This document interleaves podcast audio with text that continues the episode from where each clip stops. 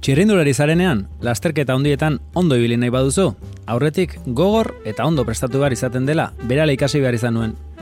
Prestakuntza gogor asko egindakoa naiz, eta hori gabe, ez dago emaitza honik. Baina utzi dazu zerbait aitortzen. Dena ez da sufrimendua.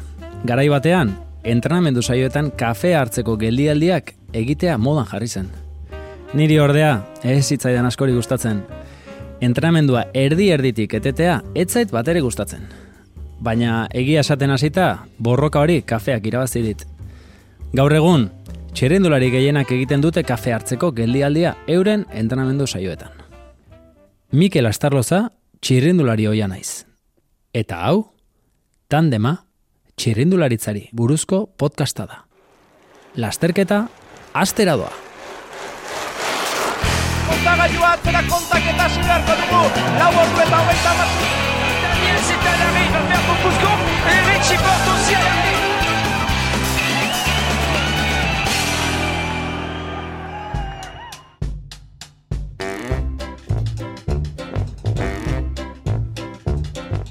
Kafeak eta asko gaurko gonbiatuarekin. Patxi bilarekin hartu izan ditut nik. Lehiakide bezala ezagutu nuen patxi lehen da bizi. Entrenamendu kide izan ginen ondoren, eta lagunak izaten jarraitzen dugu gerora. Movistar taldeko errendimendu arduraduna da bera gaur egun.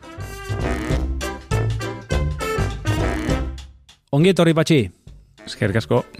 zer diozu txirrendularitzan eh, modan jarri den eh, kafe hartzeko geldialdi horren inguruan? Bueno, dena bezala, bere tamainan eta bere momentuan, ba, alde positiboa dauzka. E, jakin behar da noiz. Beraz, e, kafe bat momentu batian oso oso ona izan daiteke, beste momentuan oso oso txarra. Hor, jakin behar da. Esango nuke igual kriminalizatu xamarra ere badagoela kafera gelditzen ez dena gaur egun, ala?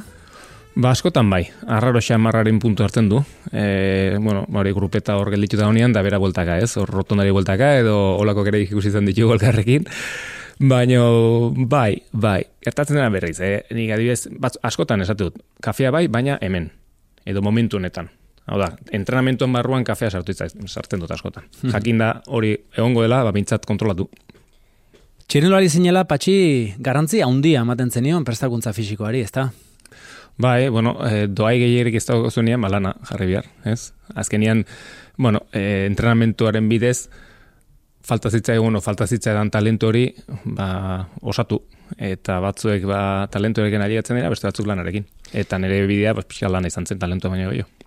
Bai, eta gero bat zeuden talentu handia izan, eta gainera lan izugarri egiten zutenak, ba, ni burua datorkit lan trombera, ez? Armstrong is coming with an incredible rush, and Cloden has realised it too late.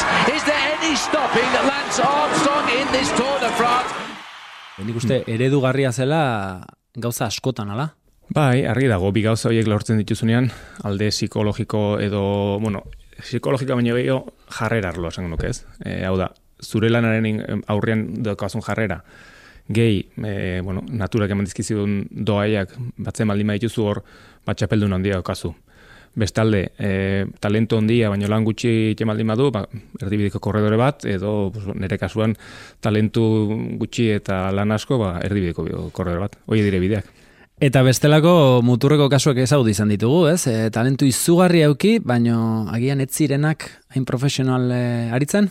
Bai, bueno, e, beira, nik e, emaitzak eta errendimendua mm, norberak dauka bere errendimendu modelua. Hor hor sortzen dalako, bueno, e, egoera bat askotan ikusi izan duguna, e, gaztetan eta beko kategorietan podiumean egoteko e, errestasuna zeukaten korredorak, gero, e, bueno, gerota gorago, gerota zailago, eta azkenean, ba, bueno, e, porrot sentsazio hori, frakaso sentsazio hori, eta frustrazioa, ez asko. Errendimendua talentuaren bidez lortu duten asko hori izan dutela, ez? Eta zure kasuan patxi, garaipenik handienak agian e, ez dakite prestakuntza fisiko onena eraman zenuen garaiarekin lotzen dituzu? Mm, bai, nik serio hartu nuen biziketa berandu, emedetti urtekin, ja, bueno, universidadean egola. Mm, nire bidea beti prestakuntzaren ondotikan joan da, ez? Gero, e, bueno, guain eh, datu bezala, ez? Guain hain, hain faman eta hain bogan dauden zenbat gramo, karbohidrato gramo orduko hartzen dituzun, mila betzen talar hogeita mairuan, hogeita malau, barkatu, guia egun azten genituen. Osea, oso zarra da. Eta nik hori nire bizi guztian egin dut. Beraz, e, guain hemen, eta ze, hori, bueno, biziketa bezain zarra da, ia, ia, ondo jan, ondo biltzeko, punto, eta beste dikan, ez? Gauzak egiten genituen, eta nik uste dut oso ondo gainera. Gertatzen dena, prozesu askoren e, zergatiaz genekila eta bai. Leheno egiten genuen zen, ba, bueno, gauzak egin, eta honek funtzionatzen dut, eta errepikatu, ez? Askotan, ba, bueno, ez geneukan kapazitatea jaketeko peritan zer gertatzen den, gaur bai, baina egiten genituen. Eta hori, eta gero ja, bueno, nire, nire bizitzan nabiz 2000 eta bostian eta zeian ja, pues, nutrizionista batekin e, bueno, ondo ondoan lan egin nuen, eta ni nire inguruan gaur egun talde baten dagoen e, errendimendu taldea sortu nuen. Nik pagatzen nire psikologa, nire prestatzailea, nire nutrizionista, e, nire fisiologa, nire osteopata eta, eta nire medikoa. Oain, ematen du dena oso berria dela, baina berez ez da berria.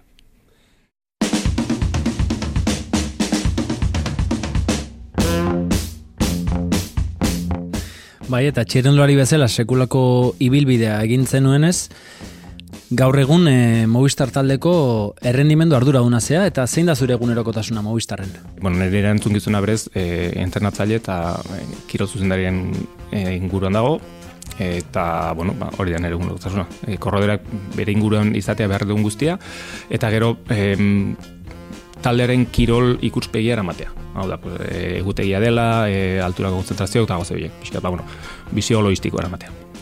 Iruipena daukat patxi, e, gauzak ondo dijoaztenak eta emaitza alde daudenean, e, askotan txinuarian meritua dela, baina emaitzak ez direnean iristen askotan bestelako arduradunak bilatzen direla, ez? E, izan prestatzaile fisikoak, izan zuzendariak, e, nola eramaten da presio hori? Bueno, e, jakin barruzu hori, bueno, pues, e, zure lanaren parte dela. Eta ba, ni gure korreorek izan dago gara, eta badakigu honi orain hartzen naiz, ba, behar bada, e, nere gatikan, bueno, jendeak zenbait gauzen titula eta ez titula eskertu ez. Bueno, me, hola da, me, berez kirolaria eta txerrundaria alako, bueno, e, egoismo puntua bauka, hola izan behar du, baldin eta kirolaria ziklista hona e, izan nahi badu ez. Eta, bueno, horrekin ba, bizitzen zara. Ba, ekizu gauzak ondo dihoaztenean, ba, ondo dihoazte, eta, baina, erantzun gizuna zuria da gaizki baldin ba dihoazte. Eta zentzu horretan, tokatu izan zaizu zure burua defendatu behar izatea errendimendu arduradun bezala, Movistarren?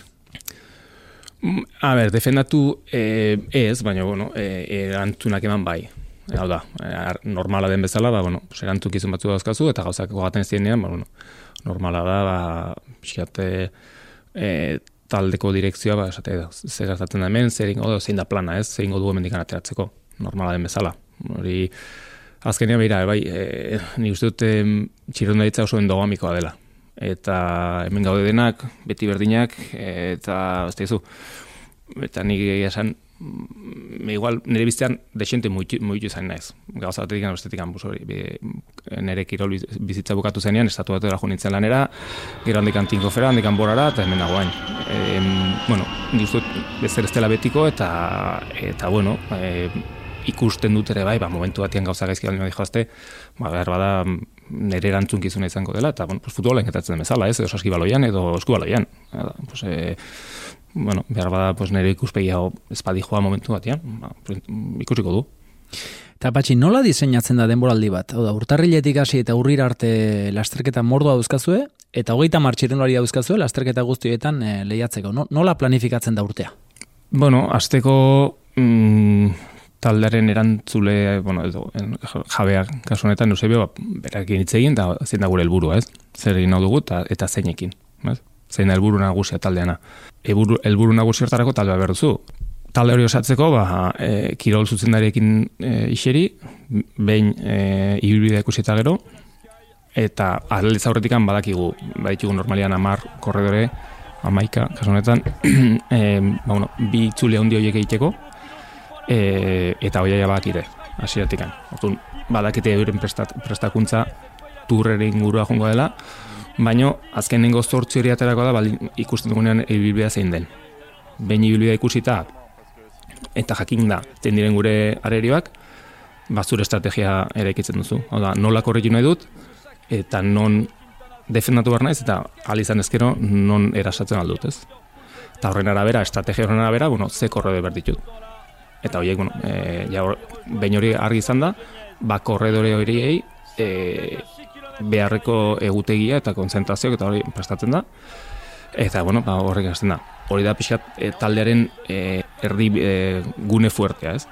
Eta gero behituzu beste korrea batzuk, ba, bueno, pues, garatzen ari direnak, eta hoientzat ba, beste era batera antolatzen duzu ez, adibidez, eta ba, zenbat, ur, zenbat lasterketa e, egun izan zituen pasan urtean, imaginatu, berrogeita bi. E, inaltzun e, itzule hondirik, ez. E, lekurik aldago eta pensatzen aldugu pres dagoela bai, ba, bueno, ba, venga. Orduan, aberre aurten aliatzen garen berroita mago ziruroi egunetara, eta itzule handi basartzen dugu. Venga, orduan, hortarako bera bai, pues, prestakuntza egin.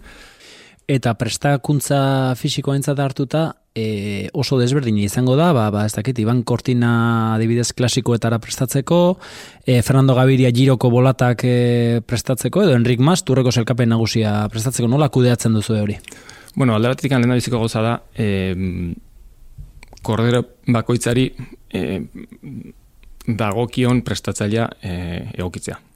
Eta azkenian, bueno, e, ikusten duzu, nortasun gauza bat dela, badago, ba, gizu, e, badago jende korredero batzu behar dute struktura asko entrenatzeko, eta jakin behar dute eguneko ia minuturo zer egin behar duten, e, bueno, eta zaku hortan sartuko nuke abidez, ba, Mateo Jorgenson, Carlos Verona, e, oleko jendia, eta eta gero pues, beste batzu daude erdibideko batzuk eta azkenengo batzuk daude pues pizkat gehiago e, esperientzian eta pizkat sensazioetan e, oinarritzen diren korredore dela.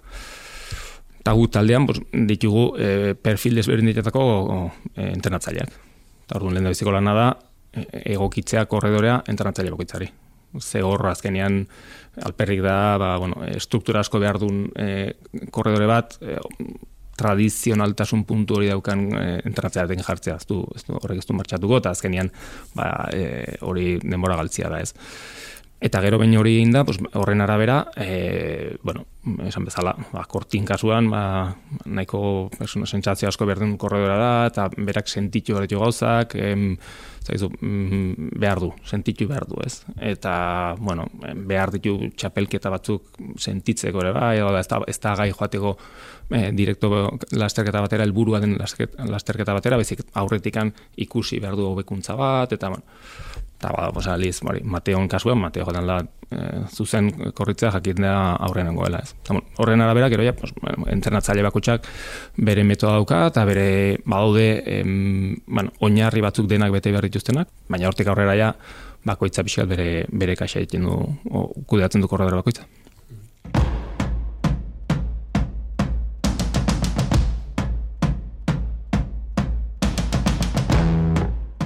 Mende aldaketarekin batera, esango nuke patxi, potentziometroaren etorrerak eta batez ere e, datu analisiak egiteko bueno, e, aplikazio desberdinak erabat e, irauli zutela prestakuntza fisikoa eta ez dakit matematikarik eta bat izatetik oso gertu ez dute dagoen prestakuntza fisikoa.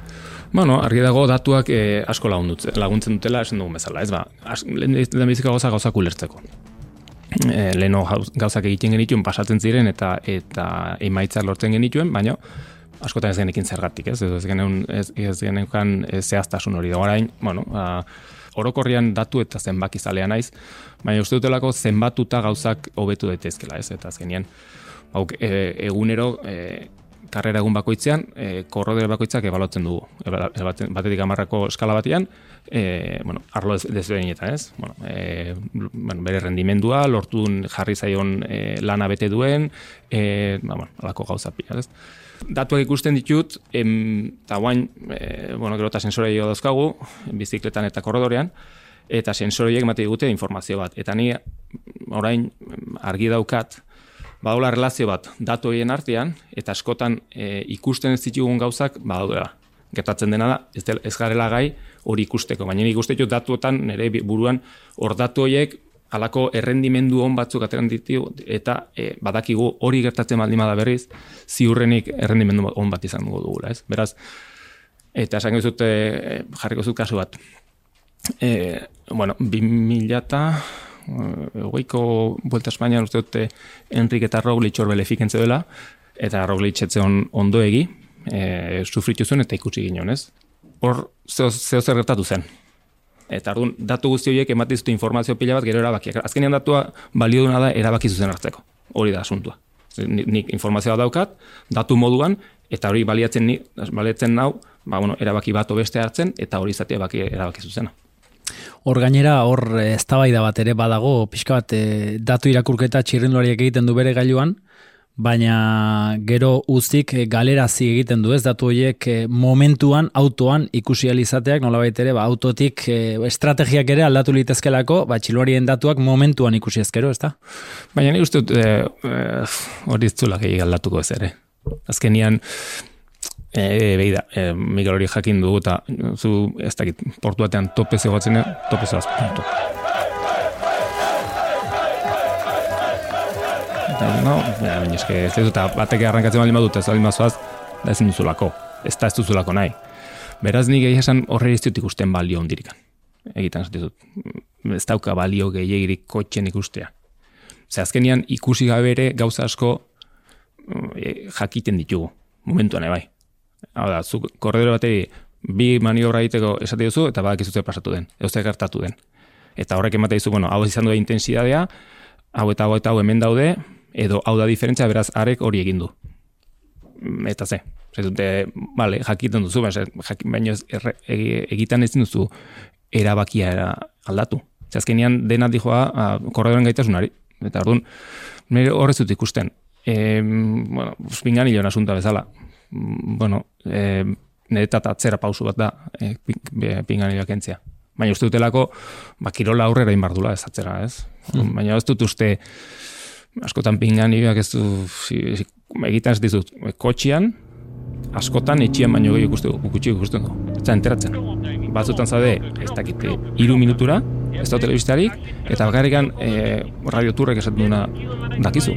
Besterik ez, ez da telefono zu martxatzen, eta ez duzu ideirikan.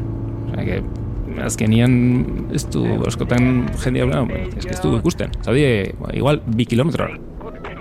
Eta ez da enteratzen. Allez, keep fighting, all is possible. At the front, Volewin continue to lose a lot of time. There is a big gap, but on the last climb, you can come back. Bai, nik uste askotan, e, ez dakit jendeak ez den pentsatzen, e, irratitxotik zuzendariak pixkat bideo joku batean gisan jolasten duela, ez, txilunariarekin, eta, eta ez dakit e, bestelako informazioak e, asko ematen ote diren e, nire ikuspegian behar duzuna da, da taldean korredore bat zure ideia argi daukana. Eta ura izan behar da mm, direktoria. Arek hartu behar dituzu, zuek hartu, hartu ez, ez, ez dituzun erabakiak momentuan. Hori da garrantzitsua. Kotxetikan, mm, eta askotan edo klasikatan, pff, ni te cuento, edo Ruben, edo itako batean, zantetzen. Pero, ez zertaz, ez ez zantetzen. Zuk diozun figura hori patxi, frantsesek adiaz oso garbi zeukaten, e, talde buru bat egoten zela, liderra, deitzen ziotena, eta gero kapitan durrut. Bai, bai. Eta haiek oso garbi zeukaten beti zuzendari orde bat e, txinulari izan behar zuela eta tropelean arek hartu behar zituela nolabait ere erabaki horiek?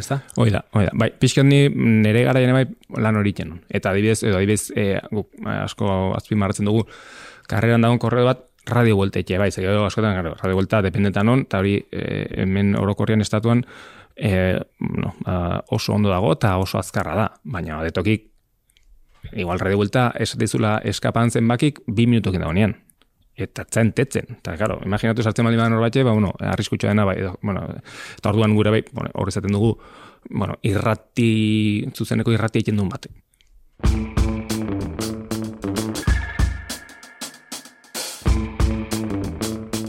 Eta prestakuntza fisikora bueltatuta patxi, en, altuerako entrenamenduak e, modan jarri ziren garai batean eta eta gaur egun izugarri txilunari e, ikusten ditugu ba, Hmm. iteiden, libinon, sierrane badan. Zenbateraino da altueran entrenatzeren onura? Nik asko sinesten dut. Beira, 2000 eta amaseian, em, ba, bueno, ni eh, Peter Saganekin hasi nintzen, bueno, Sagan entrenatzen hasi nintzen, tinko ginela, eta, mm, bueno, nik argi ikusten nuen, edo, e, a ber, argi ez, ustean eukan, e, ze ordur, ordur arte e, normalian alturara bai, eskalatzea joten ziren, edo, edo selkapen orokorra lehiatzen duzen jendia, ez? E, eta uda partia. Ah, bueno, pues nik eh, ikuspegia esan nuen, uste nuelako e, onuragarri izan litekela ere bai, e, klasikak egiten zuten korredoren zatez. Torduen mila eta masian zerrena badara ginen e, otxaileko hilabetian. Em, bueno, ba, gure mundu txortan, denetatik esan, bueno, pues, pixkate arridura sortu zuen, eta jendeak ez, ba, otxailan, Sierra Nevada entzat entrenatuko, gainera zertako lako korredor hondikin, no, gainen, pues, Daniel Os, Bodnar, e, e, Peter, Bera, e, bueno, Sara Montis, abalako zei, zei lagunek juntzen, ez? Eta, eta gero, pues, klasika oso ondo juntzen. Onura asko dauzka, gertatzen da jakin behar dela, do, kontu zibili behar dela. Ze altura berez, bueno, bere mm, gauza positibo asko asko dauzka, baina gaizkin ezkero negatiboak ere bai. Eta nik uste dute, nik ikuste duten akatsik eh, arruntena da, alturara jutia, eta, bueno, itxasoko mailan baino gehiago internatzia. Gehiago eta intensoa. Eta hori bueno, koktel horrekin normalian emaitzak erozti oso, oso onak izaten. Normalian nik beti zatu alturan, alturan gutxi entrenatu da. Ez gehiago. Eta diferente. Bai, horrazkenean hiru aukera sortatzen dira ez da batxi, e, goian lo egitea, 2000 metrotan lo egitea eta 2000 metrotan entrenatzea, edo goian lo egin eta beian entrenatzea, edo peran eh, lo egitea eta goian entrenatzea aukera hori ere badago, gaur egun gainera hipoxiako dendak ere badaude, ba, ba, entrenamendua etxetik e, alturan egin alizateko, ez da? Ni berez gehien dutena da, egiten duguna da e, goian, oza, goian bizitzea eta bian entrenatzea. Eta saiatu entrenamentoen kalidadea alik eta gutxien impactatzen azkenean bueno, e, 2000 metotan gauzak e, zailtzen dire eta bizitzea ja entrenamendua da beraz zangoian dependeta zeinekin bueno, ero bai dependeta ze historiko daukan alturan ez? Hor dago alako entrenamendu residual bat hor geratzen dena eta gerota gehiago egin gerota erresago adapten zara eta gerota lehenago entrenatzen alduzure bai alturan. Baino berez ni ziurren sentitzen zen estrategiakin da bi, goian bizi, behian entrenatu, alik eta beren, e, eta gero kontrolatzen duguna da pues, zenbat e, ordu pasatzen dugu mila, mila bostean metretik gora. Eta hori da pixkate hori karga bat ematen dugu, eta horren arabera ba, ba momentuak non behar bada pues, e, korredore bat amar amabi urtutako bera bialtzen dugun, pixka gehiago rekuperatzeko eta gero, gero gora bultatu. Ni txirrendulari nintzenen patxi, e, nire etxean, ba, horrelako kanpin da bat mm. neukan, eta egia esan, e, bueno, urtarriletik e, ekaina arte, batur arteko egonaldi guztiak, ba, bertan e, lo eginda pasatzen dituen, eta hor, iruipena daukat, e, txirrendulari bakoitzak desberdin erantzuten duela, ez, e, altuerako egonaldi horretara.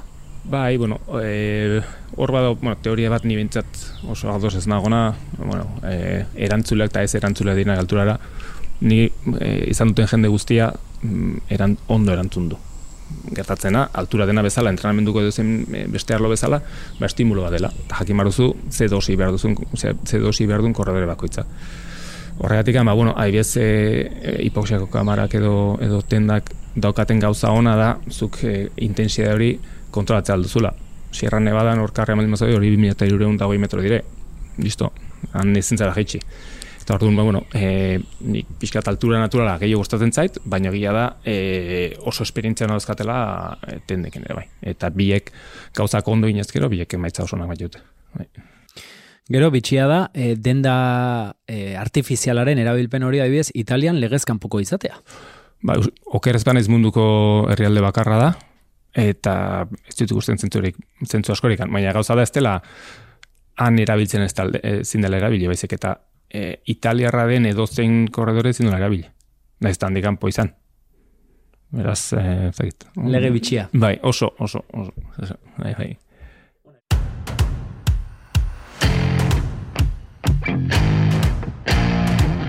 Bueno, eta ez dakit kontatzeko modukoa izango den patxi, baina prestatzaile bezala daukazun sekreturen bat.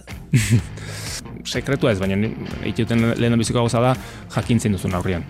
Eta zein diren bere beharrak ez azkenian e, dena pertsona gara, eta denak behar batzu dizka, dauzkagu. Eta jakitia nondikan sartu korredori, edo atletari ziklista edo dinarakoari, hori da zailena. Ze zuk metoda izatal duzu eta zuretzat oso da, eta zurekin lan egiten dut, eta eta perfecto, eta ondoko zure lagunari gauza berdinain, eta ez. Zergatik, ba, ziurrenik, e, nik uste dut sartzeko bidea psikologikoki diferenta delako. Eta orduan, hori da e, zailena niretzat eta pixkat misterio ondina daukana, ez? Jakitea zer nola eta gero nola bideratu pertsona hori, ez? Eta behin lortzen duzunean konplizia hori korredorekin, jauzdik aurrera dena erresa da. Oinarria konfiantza da. Konfiantza binarioa da. Zuetzara fidatzen pixkat. Ja fidatzen zara dut fidatzen. Eta hori lortzea edo galtzea, esan nahi du gauzak ondo jatea edo, edo, edo bukatzea bertan. Nire gaztaroan patxi, e, arrabola adibidez, hanka batekin egiten nuen e, etxean, ba, pedal kolperen kalitatea hobetze aldera, eta goratzen ez zu, pini fijoarekin ibiltzen zinela errepidean bertan. Bai, bai, bai, bai, ba, begira, hori bai beste gauza berexia da txirrondora izan, ez?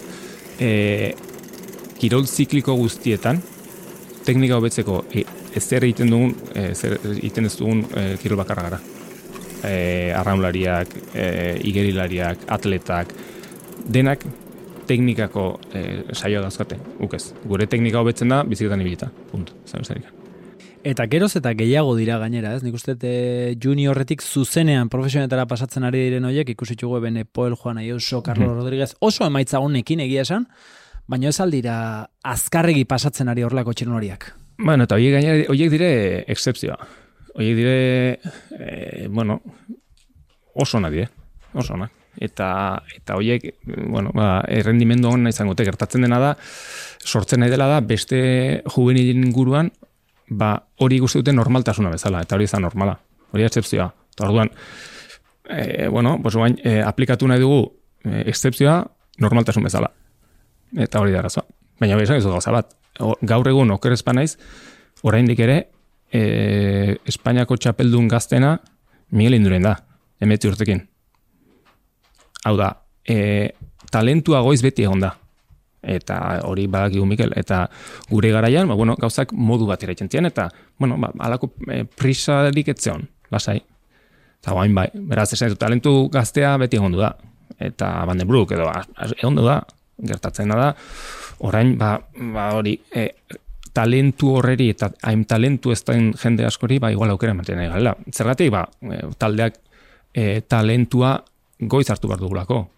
Ez dakit, gauza askotara, ba, igual goiz esposatzen ditu. Eta aurrera pauso ez hitz egiten hasita zer esan eh, emakumezkoen txilonaritzaz. Zu Mhm. gainera Movistar talde izugarri indartsua daukazute emakumezkoetan.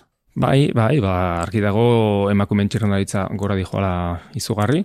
E, dut, e, bueno, e, momentu oso goxoan e, daudela emakumezkoak zentzu hortan, eta nik ez ikusten mugarikan. Gu behintzat e, taldean e, dazkagu berrogeita sei korredore, eta hori da, emakumezko gizon ez dago inungo desberdintasunekan, eta guretzat adez pasan urtean e, emaitzekin gizonezkoetan kilikologi binenean, ba emakumezkoak oso ondo egin zuten, eta hori taldean zate bai, e, bueno, e, lasaigarria da. Zaizu, Osea, que korrode potente dauzkagu, eta eta asko ikasten ere bai hortik. Eta zer esango zenioke patxi beste lako maila apalagoa duen ez dakit zikloturistari edo zego mendio alko genioke. Ba, orokorren nik uste dut, ba, disfrutatzea, ez. Azketzen, em, ba, batzutan ikustu talako ba, masokismo puntu bat, ez. E, zikloturismoa egiten duen jendean, hori noski norberan aukera da, ez. Baino, jo, ni falta botatzen dut, ba, ez zu nola zabiltzan, uste dut denbora zebaizun ere modu bastante larri, baina hori, jo, aukera alme hotel lasa ibiltzeko, pues, jo, ibiltzeko eta bale, eta pues, maldan gora egurra eman, pues egurra eman, baina goian gelditu, kafi hartu, eta euren, euren kasua tortilla pintxoa, e, bai, eta disfrutatzea, jo, biziketa oso politia dela, eta disfrutatu, izan behar du atsegina, atsegina izan behar du, hori duik gabe.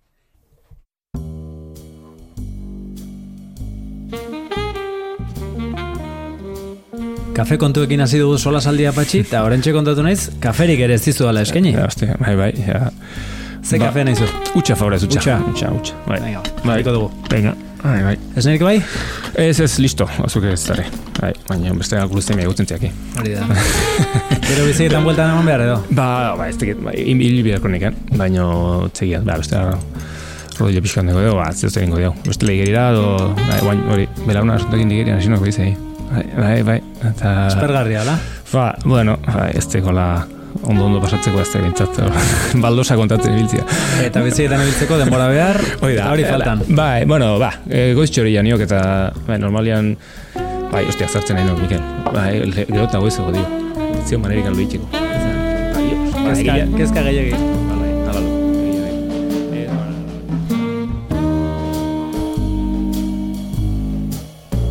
Aurkezlea Mikel Astarloza. Zuzendaria Gari Udabe. Edizioa Andoni Karnovich. Orio produkzioakek EITB mediarentzat egindako podcasta.